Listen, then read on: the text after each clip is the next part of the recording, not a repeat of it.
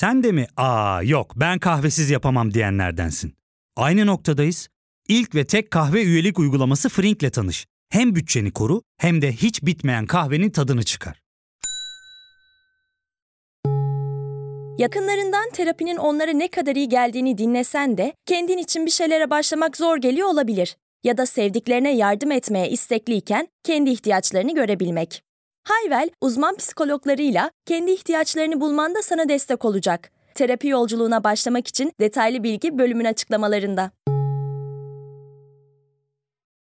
Transpor'dan herkese merhabalar. Bu hafta itibariyle Süper Lig'de son maçları, Dünya Kupası öncesi son maçları oynamış olduk. 14. hafta sonuçlandı ve çarpıcı maçlar da vardı. Galatasaray Başakşehir'i deplasmanda 7 farklı yendi ve Fenerbahçe'de kendi sahasında Giresunspor'a karşı kaybetti. Bu iki maça detaylı değineceğiz. Aynı zamanda Dünya Kupası'na da değineceğiz tabii ki. Dünya Kupası başlıyor kupa öncesi gruplar, sakatlıklar nedeniyle Dünya Kupası'nı kaçıracak olan yıldızlar, Türkiye'den turnuvaya gidecek oyuncular tüm bunları konuşacağız. Avrupa futbolunda Cristiano Ronaldo'nun açıklamaları da gündemde geniş yer buldu. Manchester United ile ilgili oldukça çarpıcı açıklamalar yaptı sana. Ona da değineceğiz ve son olarak voleybolda iki şampiyonluk adayı Vakıfbank ve Fenerbahçe karşı karşıya geldi. Voleybola da kısaca değinip bitireceğiz. Hadi başlayalım.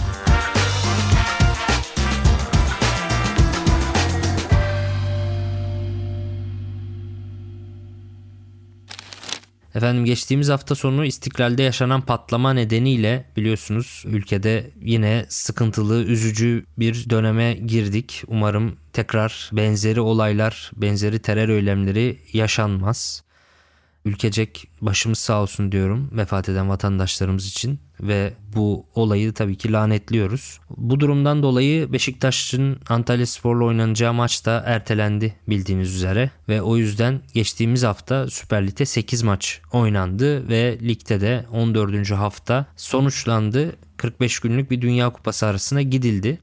14. hafta sonunda 14 maç oynamış sadece 4 takım bulunuyor bu arada. Antalya Spor'da ertelenen Beşiktaş maçı nedeniyle 12 maçta kaldı. Bir haftada bayı geçmişti tabi. Diğer takımlarında 13'er maçı bulunuyor. Fenerbahçe, Giresunspor ve Başakşehir Galatasaray maçlarına detaylıca değineceğim ama önce bir haftanın özetini geçeyim. E, lider Fenerbahçe'nin 29 puanda olduğunu görüyoruz. İkinci Galatasaray 27 puana yükseldi. Üçüncü sırada 3 takım bulunuyor. Adana Demirspor, Konyaspor ve Başakşehir. Konyaspor'un bir maç fazlası var ama 5 haftadır kazanamıyorlardı ve Kayseri Spor gibi Çağdaş Atan'ın Kayseri Sporu gibi zorlu bir deplasmandan galibiyet çıkarmayı başardılar. Geçtiğimiz haftada Trabzonspor'a karşı deplasmandan puan almayı bilmişlerdi. Onlar da Dünya Kupası arasında biraz moralli girecekler. 6. sırada Kayseri Spor var. Onlar da 14 maç oynadı. 23 puanda bulunuyorlar. 7. sırada Ankara gücü deplasmanında yine kazanamayan Trabzonspor var. 23 puandalar ve 8. sırada da 22 puanda Beşiktaş bulunuyor. Geçtiğimiz hafta ilk 8'den sonrası koptu demiştim. Bu hafta da ilk 8 dışındakiler kan kaybetmeye devam ediyor. Bir maç fazlası olmasına rağmen yani 14 maç oynayan takımlardan biri olmasına rağmen Alanya Spor Beşiktaş'tan 5 puan geride yer alıyor ve düşme hattından sadece 4 puan ilerideler. Düşme hattında Ümraniye Spor, İstanbul Spor ve Sivas Spor biraz sıkıntılı bölgede son 3 sırada kalıyorlar. Diğer takımlar ise 9. Alanya Spor'da dahil olmak üzere sadece 4 puana sıkışmış durumdalar. Yani ilk 8 takım Avrupa kupaları için 9 ve sonrası da düşmeme için Dünya Kupası sonrası planlamalarını yapacak gibi görünüyor diyelim ve Başakşehir Galatasaray maçına geçelim. Bence bu maçın teması arzuydu. Yani şöyle Başakşehir ve Fenerbahçe 12 tane Avrupa maçı oynadılar. 13 tane de lig maçı oynadılar. Geçtiğimiz hafta onları yine de buna rağmen ligde ilk iki sırada kalmayı başardıkları için övmüştüm. Bu hafta kaybetmiş olmalarına rağmen yine de bunu anlayabiliyorum. Başakşehir yorgun bir şekilde bu maça çıkarken Galatasaray'da tam tersi son derece iştahlı bir şekilde bu maça çıktı. Bunun bazı nedenleri var birazdan anlatacağım. Şimdi Galatasaray'ın ön alan baskısıyla başarılı olduğunu söyleyebiliriz bu maçla ilgili olarak. Başakşehir'in ise Galatasaray'a basacak bir gücü yoktu ki Galatasaray'ın önemli eksiklerinden bir tanesi geriden oyun kurma aslında. Galatasaray geriden oyun kurarken Başakşehir o güce sahip değilken Başakşehir geriden oyun kurarken Galatasaray'ın son derece kompakt belki de bu sezon ilk defa bu kadar kompakt bir şekilde ve birlikte baskı yaptığını gördük. Bunu geliştirmeye başlamıştı Galatasaray. Geçtiğimiz haftalarda da ön alan baskısı zaman zaman oldukça iyi gidiyordu. Ama bu maç 90 dakika boyunca çok çok daha iyi gitti ve bu maçta Abdülkerim Bardakçı'nın rolü oldukça kritikti. Şimdi geçtiğimiz hafta özellikle Beşiktaş maçında Jetson'un boş kaldığını 8 numaralarından bir tanesinin bu ön alan baskısında forechecking denen rakibi rakip yarı alanda yani kendi yarı alanda çıkarken karşılama oyununda 4-3-3 oynayan rakiplere karşı bir 8 numaranın boş kaldığından bahsetmiştim Galatasaray için. Çünkü Galatasaray iki tane forvet gibi karşılıyor. Mertens ve Icardi iki stopere ve bir kaleciye. 3 kişiye 2 kişi gibi gidiyorlar. Kanat oyuncuları Raşit ve Kerem 2 beki tutuyor. 8 numaralardan yani Galatasaray'ın 2-8 var 6 numarası yok. Torreira veya Oliveira. Torreira rakip 6 numaraya gidiyordu Josef'e. Oliveira da diğer 8 numarayı tutuyordu. Rakibin yani 3 orta sahayla oynayan rakipteki 2-8 numaradan bir tanesi Galatasaray'da bir stoperle eşleşmesi gerekiyordu. Yani boş kalıyordu. Nelson Jetson'a çıkmaya çalışmıştı geçen Beşiktaş maçında ama çok muntazam olmamıştı bu. Çünkü Nelson daha çok reaktif bir stoper yani pozisyon tutucu. Beklemeyi önde basmaya göre daha çok seven bir stoper. Abdülkerim ise tam tersi proaktif. Abdülkerim önde basmayı seven, rakibe göre bekleyerek değil, rakibe göre kendi oyunu kabul ettirmek isteyerek oynayan tipte bir stoper. Ve bu maçtaki eşleşme geçen Beşiktaş maçına göre farklıydı. Geçen Beşiktaş maçında sağ iç pozisyonunda olan Torreira rakip 6 numaraya bastığı için Galatasaray'ın sağ içinde yani rakibin sol iç pozisyonunda Jetson boş kalıyordu ve ona da sağ stoper Nelson çıkmak zorunda kalıyordu. Ama Nelson az önce dediğim gibi reaktif bir stoper çok fazla önde basmayı ve pozisyonu bırakmayı sevmiyor. Pozisyon tutmayı seviyor. Öbür tarafta Abdülkerim ise daha özgür oynamayı seven, daha böyle pozisyon kaybetmeyi, daha agresif, önde basmayı seven bir stoper. Ve bu maçta şunu gördüm çok farklı olarak Beşiktaş maçını. Torreira rakip 6 numaraya Biglia'ya gitmedi. Beşiktaş gibi Başakşehir de 4-3-3 oynuyor. Yani onların da bir 6 numarası var Beşiktaş gibi. Bu maç Oliveira Biglia'ya gitti. Yani sol iç pozisyondaki 8 numara Biglia'ya gitti. Torreira kendi 8 numarasını tutmaya devam etti. Yani Başakşehir'in sol iç pozisyonundaki Berkay'ı tutmaya devam etti. Ve Başakşehir'in sağ iç pozisyonundaki Mahmut Tekdemir'i boşalttığını gördük. Yani Mahmut Tekdemir boştu. Ama Abdülkerim Bardakçı Nelson'a göre son derece aç bir şekilde her seferinde Mahmut Tekdemir'e kuvvetli bir baskı uyguladı. Sonuçta oraya basmak kolay değil. Yaklaşık 25-30 metre çıkmanız gerekiyor öne ve çok hızlı çıkmanız gerekiyor ama Abdülkerim Bardakçı çok agresif. Ve bu rolü severek yaptı, mutlulukla yaptı belli ki. Çok da başarılı oldu. Ve Galatasaray'ın ikinci golü de yani gol öncesi gelen penaltıda Abdülkerim'in baskısından doğdu aslında. Mahmut'u topla buluşturdu Başakşehir ama Mahmut topu aldığında sırtını Galatasaray kalesine dönemeden Abdülkerim'i hemen ensesinde hissetti. Abdülkerim'i orada hissedince geri dönmek zorunda kaldı Biglia'ya. Biglia'dan hatalı bir pas çıktı Berkay'a ve Torreira çok çabuk bir şekilde o pası keserek devamında da bir Berkaç'la Mertens'ten aldığı topla penaltıya kadar uzadı. Orada Abdülkerim Bardakçı geç kalmış olsa ve çıkmasa Mahmut Kale'ye sırtını dönecek. Galatasaray Kalesi'ne dönecek ve Başakşehir hücumu başlayacaktı. Ama Abdülkerim Bardakçı Mahmut'un sırtını döndürmediği için tekrar geri dönmek zorunda kaldılar ve hataya zorladı. Galatasaray rakibini ve oradan da penaltı doğdu. Bunu çok daha iyi yapıyor bence Galatasaray. Ön alan baskısını bence geliştirdi Galatasaray ve geçtiğimiz hafta içinde Off Spor'la oynanan Türkiye Kupası maçından sonra ben Okan Hoca'ya basın toplantısında bunu biraz sormuştum. Takımın boyu yani stoperle santrfor arasındaki mesafe Galatasaray'da bazen uzun olabiliyor demiştim. Okan Hoca da buna kızmıştı biraz. Bu soruya alınmıştı. Elinizde metre mi var ölçtünüz mü gibi böyle ters bir cevap vermişti ama Bence işe yaramış benim soru. İlk defa bu sezon Galatasaray çok daha kompakt, çok daha dar durdu. Boyu takım boyu uzun değildi, kısaydı bu sefer. Stoperle santrfor arasındaki mesafe çok kısaydı ve bu da 7-0'lık tarihi bir sonuçla taçlanmış oldu. Hani benim çorbada tuzum var falan demiyorum tabii ki ama sanki bu çalışmayı belki de soru biraz daha kamçılamış olabilir. Son derece iyi bir ön alan baskısı vardı Galatasaray'ın. Maç sonunda dikkatimi çeken Başakşehir'de Emre Belezoğlu'nun açıklamaları oldu. Bizim için gerçekten çok acı verici, kötü bir gece. Takım adına hem kendi adıma çok üzgün olduğumu söylemek istiyorum. Bizim için çok acı bir ders oldu. Çok büyük bir ders oldu. Hepimize seviyemizi, gelebileceğimiz seviyeyi de gösterdi bu arkadaşlar bize sezon başından beri ama bugün itibariyle oyuna bağlı kalmayıp organizasyona bağlı kalmadığımızda hepimize de bence seviyemizi gösteren bir maç oldu. Galatasaray'ı Okan Hoca'yı tebrik ediyorum. Emre Belezoğlu seviyemizi gösterdiler tarzında açıklamalarda bulundu. Biraz sert gitti oyuncularına karşı. Belki biraz daha gevşetmesi gerek bu tutumunu. Çünkü ne olursa olsun oyuncular yoruldu ve ellerinden geleni de yapıyorlar olabildiğince onları daha iyisine teşvik etmek için belki bu kadar agresif ve sert söylemlerde bulunuyor olabilir ama bu kadar sert olmak da bazı oyuncuları da kırabilir. Sonuçta bu bir denge işi ve birkaç haftadır Emre Belezoğlu'nun oyuncularına karşı biraz fazla sert davrandığını düşünüyorum ben. Belki de bazı oyunculara biraz daha bunu yumuşatması gerekir diye düşünüyorum. Zira Başakşehir ile ilgili geçtiğimiz yıllarda aldığımız haberler de bu konuda biraz sıkıntılı bir takım olduğu yönündeydi. Zira işte Okan Hoca'nın şampiyon yapmış olmasına rağmen ayrılması işte oyuncular istemiyordu. Oyuncularla arasındaki bağ koptu, ilişki koptu. O yüzden gönderildi gibi açıklamaları beraberinde getirmişti. Hatta son olarak Sabah gazetesi Galatasaray muhabiri Mehmet Özcan söylemiş. Mahmut Tekdemir'in Okan Buruk'un ayrılması yönünde takım içinde yapılan oylamada ayrılsın yönünde oy kullandığını söylemiş mesela. E, Aykut Kocaman'ın gönderilmesinde de oyuncuların rol oynadığı söyleniyordu. Bir de geçmişte Kerem Aktürkoğlu'nun açıklamaları da malum.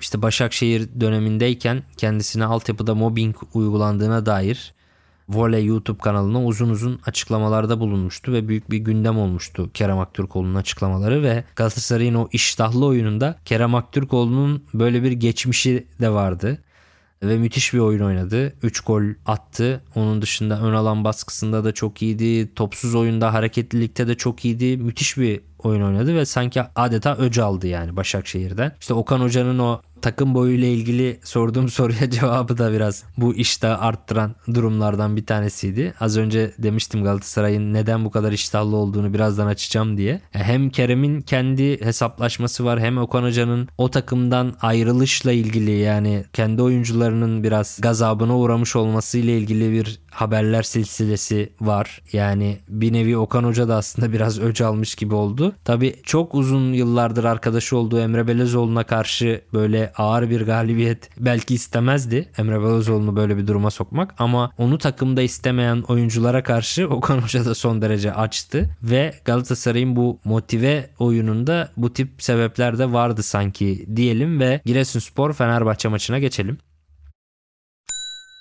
Ya fark ettin mi? Biz en çok kahveye para harcıyoruz. Yok abi, bundan sonra günde bir. Aa, sen Frink kullanmıyor musun? Nasıl yani? Yani kahvenden kısmına gerek yok. Frink'e üye olursan aylık sadece 1200 TL'ye istediğin çeşit kahveyi istediğin kadar içebilirsin. Günlük 40 TL'ye sınırsız kahve mi yani? Çok iyiymiş. Aynen. Hatta şu anda 200 TL'lik bir indirim kodu da var. E hadi hemen indirip üye ol da bu fırsatı kaçırma.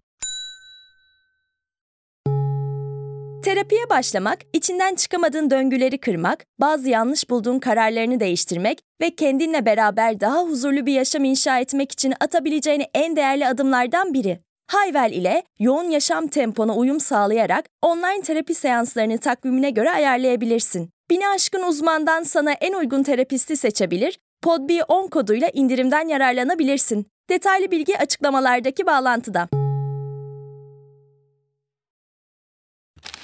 Şimdi Fenerbahçe'de de bir yorgunluk vardı bariz bir şekilde ve aslında Avrupa oynayan 4 takımda da son 2 hafta maçlarında çok ciddi bir yorgunluk gördük. Sivasspor, Trabzonspor, Başakşehir ve Fenerbahçe bundan 2,5 hafta önce hafta arasında son Avrupa maçlarında oynadılar ve son 2 haftada da 4 takım da aslında oldukça yorgun ve mental olarak sanki araya girmiş gibi gözüktüler. Sivas Spor biliyorsunuz Fenerbahçe ve Ümraniye Spor'la oynadı. Kendisi aslında Ümraniye Spor'u da yenemedi Sivas ve düşme potasında kan kaybetmeye devam ediyor. Trabzonspor Avrupa maçından sonra hem Konya Spor'la hem de Ankara gücüyle oynadığı maçlarda galibiyet alamadı. Fenerbahçe o Sivas'ı işte zor yendi ama işte Sivas da Avrupa'da oynadığı için onlar da yorgundu ve Fenerbahçe bir şekilde iyi oynamadan o maçı kazandı. Ama Giresunspor'a kendisi aslında kaybetti. Ve Başakşehir'de Hatay'la 3-3 berabere kaldı. Galatasaray'dan da 7 gol yediler. En az gol yiyen takım olan Başakşehir ligin ilk yarısında son 2 haftada 10 tane gol yedi. Yani bu işte çok ciddi bir şekilde bir yorgunluk daha doğrusu mental yorgunluk yani fiziksel yorgunluktan çok bence mental yorgunluk devreye girmişti. Bence bu yorgunluk işi de en çok böyle oyun kurma ve karşı reaksiyona yansıyor. Yani başlangıçta oyun kurmaya yansıyor. Mesela Başakşehir oyun kurarken bir sürü hata yaptı Galatasaray'a karşı. Fenerbahçe de çok hata yaptı geriden oyun kurarken. Zalai'nin mesela 11 uzun pas denemesi var. 6 tanesi isabetli 5 tanesi isabetsiz yarı yarıya gibi. Serdar Aziz'in 6 tane uzun pas denemesi var. 3'ü isabetli 3'ü isabetsiz. E, geriden çok fazla uzun pas denediği zaman Fenerbahçe ve az isabet edince bunlar top kontrolü oldukça kayboluyor. Geriden oyun kurma ile ilgili Fenerbahçe'nin biraz sıkıntısı var bence. Öte yandan Arao'nun da pas isabet oranı çok düştü bu kez. Geçen maç mesela Sivas Spor'a karşı %95'lerdeydi ve geçen maçın en yüksek pas isabet oranına sahip oyuncusuydu. Bu maçsa %73.3'e kadar düştü. Bu da bence Fenerbahçe'nin geriden oyun kurması ile ilgili sıkıntılardan biriydi. Fenerbahçe ile ilgili Hikmet Hoca ile bir program yaptık. O programda söylediği güzel yorumlar var. Onlara da değinmek istiyorum. Birinci konu Ferdi'nin gelişimi tabii ki. Ferdi'yi tebrik ediyorum. Bir, şunu Ferdi diyelim. Burada bir mücadeleye girdi. Topu kazandı. İşte arkadaşını oynadı. Sonra o top kaptırıldı. Buraya geldi. Yani çok kısa bir süre olmasına rağmen bir daha mücadeleye girdi. Yani bazen oyuncularla birebir çalışma yaparsınız 25 saniye 35 saniye. Burada 35 saniyede iki ayrı oyuncuya birebir mücadeleye girmesi onun dayanıklılığının ne kadar üst düzey olduğunu gösteriyor. Bunu zaten konuşmuştuk. Ne yap Ferdi demiştik. Bu dayanıklığı bu kadar üst düzey olan bir oyuncunun hücumda da etkili olup takıma katkısının daha çok olması gerektiğini söyledik. Evet bravo Ferdi tebrik ediyoruz. Ferdi hem savunmada çok gelişti hem de hücuma çıkıp işte o 50 metre dribbling yaparak penaltı alıp takımını da öne geçiriyor. Yani hem hücumda İrfan'la bağlantıları çok iyi, uyumları çok iyi hem de savunma özelliklerini de çok geliştiriyor. Mesela bu maçta 4 tane top kapması var. Yani hücum katkısının yanına savunmada da gelişerek böyle çift yönlü komple bir bek oyuncusuna dönüştü müthiş bir gelişim içerisinde. Belki ligdeki en ciddi gelişim içerisindeki oyuncu Ferdi. Ve 70'lere kadar da Ferdi ile İrfan'ın uyumu Fenerbahçe'nin sağ kanadını iyi kullanmasını sağlıyordu. Daha ziyade sadece sağ kanadını kullanmasını da sağlıyordu. Sol kanat işlemiyordu zaten. Ama rakibin de en kuvvetli kanadı sol kanadı Borja Sainz. Yani o kanatta oynayan Sainz. İspanya 2. liginden buldular onu da. Bu sezonun en iyi scout işlerinden bir tanesi. Giresunspor scout'unu da tanıyorum. Daha önce birlikte çalışmıştık 2015 yılında. Ve bu Sainz de çok iyi bir scout işi. Galatasaray'a karşı da golünü atmıştı. Fenerbahçe'ye de 2 gol attı. Ligde 21 yaşında ve ligdeki güzel işlerden bir tanesi.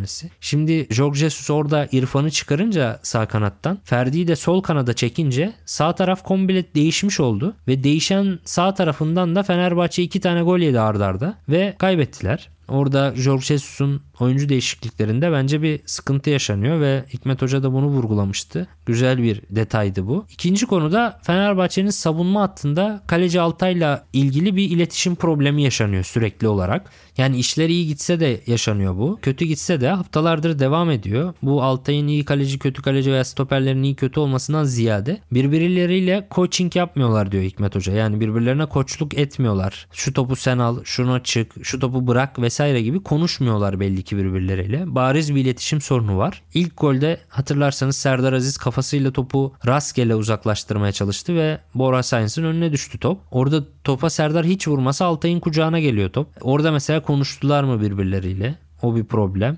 İkinci golde yine Serdar Altay'a pas atmıyor, çekiniyor ve topu kaybediyor o yüzden ve yine bir gol yeniyor. Orada Altay söylüyor da mı duymuyor stoperler yoksa Altay konuşmuyor mu? Bu tabii ki hani bilmediğimiz için birini suçlamak çok kolay değil ama büyük bir iletişim problemi olduğu çok bariz. Bu iki gol dışında bir tane daha ciddi bir pozisyon var ki bunu her hafta görüyoruz. Şimdi Fenerbahçe'nin savunma arkasına top atılıyor. Çünkü Fenerbahçe stoperleri önde kuruyor. Önde ön alan baskısı yapıyor ve Fenerbahçe'nin savunmasının arkasına her takım top deniyor zaten. Buna Fenerbahçe zorluyor da. Ve o toplara çoğu zaman hızlı stoperleri Fenerbahçe'nin başta Zalai. Hızlı bir stoper yani Zalai. Gustavo ağır ama Zalai hızlı. Serdar da fena değil hız olarak. Bazen Zalai bunlara gayet iyi gidiyor. Gayet iyi yetişiyor. Ve yetişmesine rağmen Altay'ın da çıktığını görüyoruz. Bu maçta da aynısı oldu. Zalai topa çok daha yakınken savunma arkasına atılan topa Giresun forvetinden çok daha yakınken Zalai. Altay ceza sahası dışına kadar kalesini terk etti ve çıktı.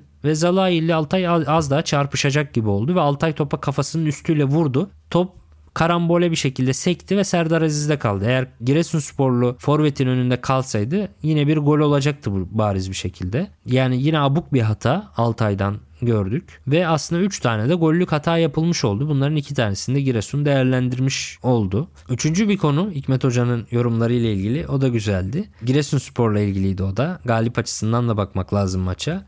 Hikmet Hoca Hakan Keleş'i Giresunspor Teknik Direktörü'nü merkezden en iyi çıkan takım olarak değerlendiriyor. Türkiye Ligi'nde merkez orta sahadan en iyi hücuma çıkan takım. Bakın merkez orta sahada. Bunu analizleri iyi yapmadığınız an rakibi küçük görürsünüz, tokadı yersiniz. Galatasaray'ı da yendi bu sene. Evet. İki galibiyeti var. Biri Galatasaray, biri Fener. Geçen sene de yendi. Geçen sene Beşiktaş'a 4 Beş- attı. Değil mi? Yendi. Ve dikkat edin bu sene Beşiktaş Giresun'daki maçta son uzatma dakika ve 10-15 dakika Beşiktaş'ı nasıl hapsetti? Sayılmayan gol var vesaire offside olan gol var. Ama bütün bunları enteresandır. Giresunspor takımı merkeze girdiğinde driplikle adam eksilden merkeze girip ve merkeze girdikten sonra da dışarıdan içeri oyuna sokan bir oyun yapısı var. Hatta onunla böyle baş başa konuştuk program dışında. Geçen sene ondan 4 puan almıştım diyor Kayseri'nin başındayken. Ama 4 puanı duran toplardan, yan toplardan bulduğumuz gollerle aldık diyor. Duran top savunmaları kötüydü diyor ama merkezden kanatlara doğru oyun kurma konusunda ne çalışıyorlar bilmiyorum ama çok iyi çalışıyorlar dedi.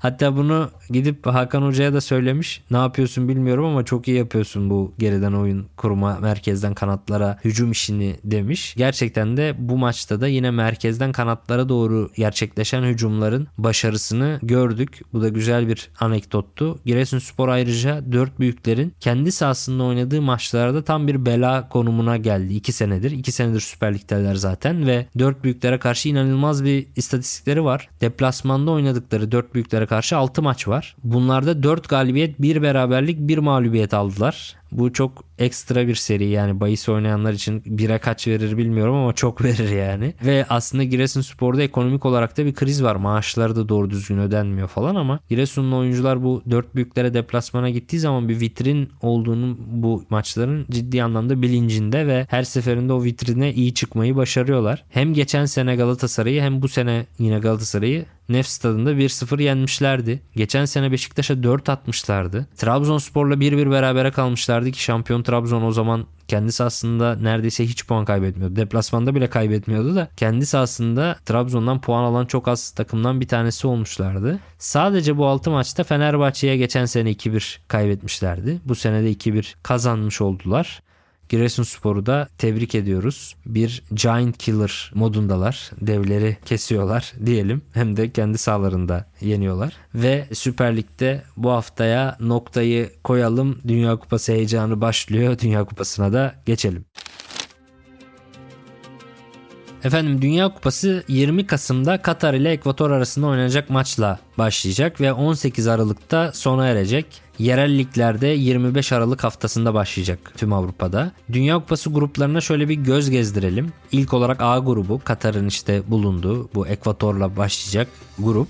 Katar ve Ekvator dışında Senegal ve Hollanda da var. B grubunda İngiltere, İran, Amerika Birleşik Devletleri ve Galler'i görüyoruz. C grubunda Arjantin, Suudi Arabistan, Meksika ve Polonya var. D grubunda Fransa, Avustralya, Danimarka ve Tunus. E grubunda İspanya, Costa Rica, Almanya ve Japonya. İspanya ve Almanya'nın grubu açısından bir grupta İspanya-Almanya maçı izleyecek olmak güzel olacak. F grubunda Belçika, Kanada, Fas ve Hırvatistan var. Belçika Hırvatistan maçı da güzel olur diye tahmin ediyorum. G grubunda Brezilya, Sırbistan, İsviçre ve Kamerun var ve H grubunda da Portekiz, Gana, Uruguay ve Kore var. En renkli grup hangisi olur? Son grup bana güç dengesi açısından renkli olur gibi geldi açıkçası. Turnuvada sakatlıklarından ya da seçilmedikleri için olmayacak çok önemli yıldızlar var. Onlara da değinelim. İspanya'da Thiago Alcantara yok, David De Gea yok ve Sergio Ramos yok. Fransa'da Paul Pogba, N'Golo Kante ve Milan'ın kalecisi ki geçen sene Serie A şampiyonluğunda başrol oynamıştı. Manyan yok. Almanya'da Timo Werner ve Florian Wirtz yok. Marco Reus da yok. Hummels de alınmadı. O da dikkat çekmişti. Portekiz'de Jota yok. Hollanda'da Wijnaldum yok. Belçika'da Salah Marquez yok. İngiltere'de Chilwell ve Reece James yok. Aynı zamanda James Madison da yok. İran'da en önemli santrforlarından, takımın en önemli oyuncularından Serdar Azmun yok. Meksika'da Raul Jimenez yok. Galler'de hem Gareth Bale yok hem Joe Allen yok. Ve Senegal'de de maalesef Sadio Mane büyük ihtimalle olmayacak. 26 kişilik kadroya alındı ama turnuva boyunca büyük ihtimalle sahaya çıkması zor gözüküyor. Mane ile ilgili aslında komik bir açıklama da geldi. Euro 1'e konuşan FIFA'nın Senegalli Genel Sekreteri Fatma Samora şöyle söyledi. Büyücüleri de devreye sokacağız. İşe yarar mı bilmiyorum ama onları yine de kullanacağız. Mucizelere ihtiyacımız var. Sadio Mane orada olmalı gibi bir açıklaması var. Büyücüleri devreye sokmak deyince tabii Dünya Kupası ile ilgili eski hatıralar geliyor aklıma. 1994 Dünya Kupası'nda Kolombiya'nın yıldız oyuncusu vardı Rincon. Napoli ve Real Madrid'de oynamıştı Avrupa'da büyük bir oyuncuydu Rincon ve Kolombiya'da Güney Amerika elemelerinde lider çıkmışlardı. Hatta turnuva öncesi Arjantin'i 5-0 yenmişlerdi. Hem de Buenos Aires'te Arjantin'in sahasında başkentinde. Ve böyle en büyük favorilerinden bir tanesi işte Valderrama'sı vardı, Asprilla'sı vardı. Çok iyi bir takımdı. Rincon turnuva öncesinde bir falcıya gidiyor ve falcıyla konuşmasında Rincon'a dikkat etmesini, Dünya Kupası'nda kendisini çok sakınmasını, çok ağır bir sakatlık geçireceğini falan söylüyor. Rincon berbat maçlar çıkarıyor ve Kolombiya o kadar büyük favori olarak gittiği turnuvada grup sonuncusu olmuştu. Yani bu fal ve büyü işlerine de çok inanmamak lazım tabii ki. Hiç inanmamak lazım da hadi Fatma Hanım için böyle kibarca söyleyeyim dedim. Tabii ki umarım Mane oynar. Mane'nin oynamasını ben de çok isterim bir futbol sever olarak ama çok da ihtimal vermiyoruz tabii. Türkiye'den Dünya Kupası'na kimler katılıyor? Biraz da onlara değinelim. Belçika'da hem Galatasaray'dan hem Fenerbahçe'den iki oyuncu var. Dries Mertens ve Michy Batshuayi oradalar. Uruguay'da Trabzonspor'un golcüsü Maxi Gomez var. Aynı zamanda Galatasaray'dan Torreira ve Fernando Muslera da var. Hollanda'da Weghorst var Beşiktaş'tan. Amerika Birleşik Devletleri'nin forveti Antalya Spor'dan Haji Wright. Kamerun'da Beşiktaş'tan Enkudu bulunuyor. Danimarka'da Victor Nelson var ve Trabzonspor'un sağ beki Striger Larsen var. İsviçre'de Haris Seferovic, Fas'ta Roman Saiz, Costa Rica'da Konyaspor'un başarılı stoperi Francisco Calvo var. Senegal'de Alanya Spor'un yedek forveti Diju var. Ekvator'da Ener Valencia var. Kanada'da hem Beşiktaş'ın tecrübeli emektar ismi Atiba Hutchinson 39. yaşının son ayları bunlar. Son günleri belki de hem de Hatay'ın sol beki Adekukbe var. İran'da da Kayseri Spor'dan Ali Kerimi ve Macit Hüseyin'i görüyoruz. Dört büyüklerden en çok futbolcu Galatasaray'dan gidiyor. 5 futbolcu gidiyor Dünya Kupası'na. Beşiktaş'tan 4 isim gidiyor. Fenerbahçe ve Trabzonspor'dan da ikişer futbolcu Dünya Kupası'na gidiyor. Gelecek hafta Dünya Kupası maçları da başlamış olacak. Onları da değerlendireceğiz. Umarım çok keyifli bir Dünya Kupası izleriz. Avrupa futbolunda Cristiano Ronaldo Dünya Kupası arasında gündeme oturdu. Cristiano Ronaldo Manchester United'daki ikinci dönemiyle ilgili The Sun'a çok çarpıcı bir röportaj verdi. They're trying to force you out. Yes, not only the coach, but the other two or three guys there around the club.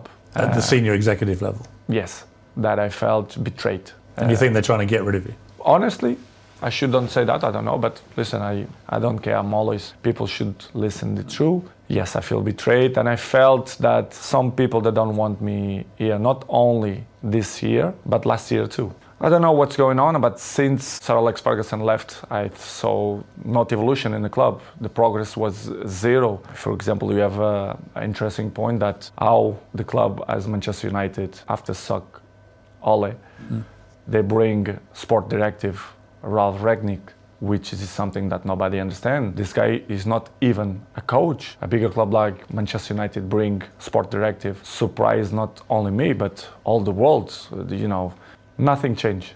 Surprisingly, not only the pool, the jacuzzi, even the gym, even some points, the technology, the kitchen, the chefs, which is I appreciate, lovely lovely persons they stop in a in a time which is, is it surprised me a lot i thought I will see different things, different, as I mentioned before, technology, infrastructure. But unfortunately, we see many things that I'm used to see when I was 20, 21, 23. So surprised me a lot. Teknik direktör Ten Hag'a saygı duymadığını söyledi çünkü kendisine Ten Hag'ın saygısının olmadığını söyledi. Manchester United bana ihanet etti dedi.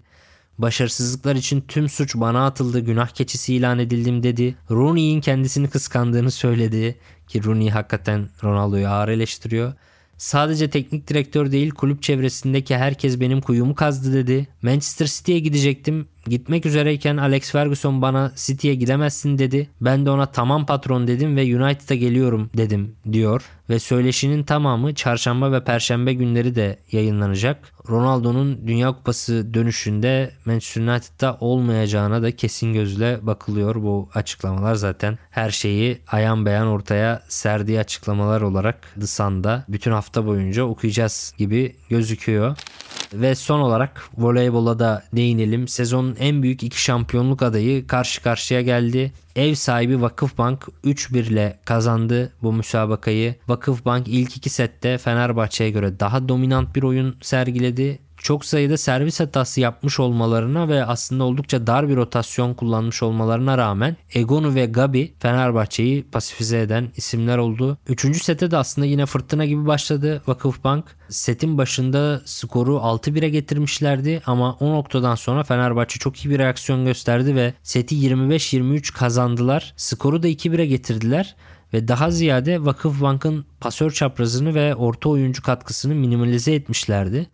Son sete de Fenerbahçe bu moralle oldukça güçlü girdi. Ancak hem Fenerbahçe'nin yorgunluğu hem de Vakıfbank'tan Egonu'nun nefis oyunu maçı Vakıfbank'a kazandırdı. Vakıfbank ligde henüz maç kaybetmedi.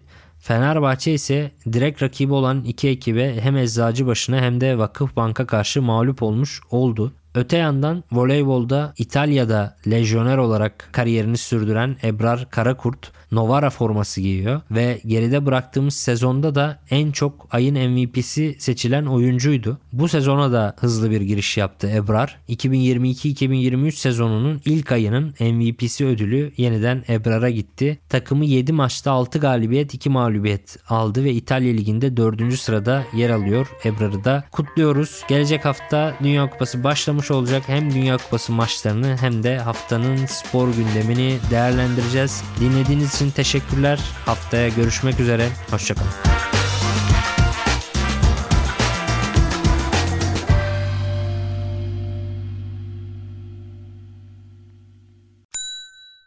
İlk ve tek kahve üyelik uygulaması Frink, 46 ildeki 500'den fazla noktada seni bekliyor. Açıklamadaki kodu girerek sana özel 200 TL'lik indirimden faydalanmayı unutma. Hadi sen de Frink üyeliğini başlat, kahven hiç bitmesin. Hem bugününe hem yarınına katacaklarıyla terapi yolculuğuna ve daha iyi hissetmeye bugün Hayvel ile başla. Açıklamadaki linkten Hayvel'i indir, ücretsiz tanışma görüşmelerinin ardından bütçene uygun seans paketini seç ve terapi yolculuğuna başla.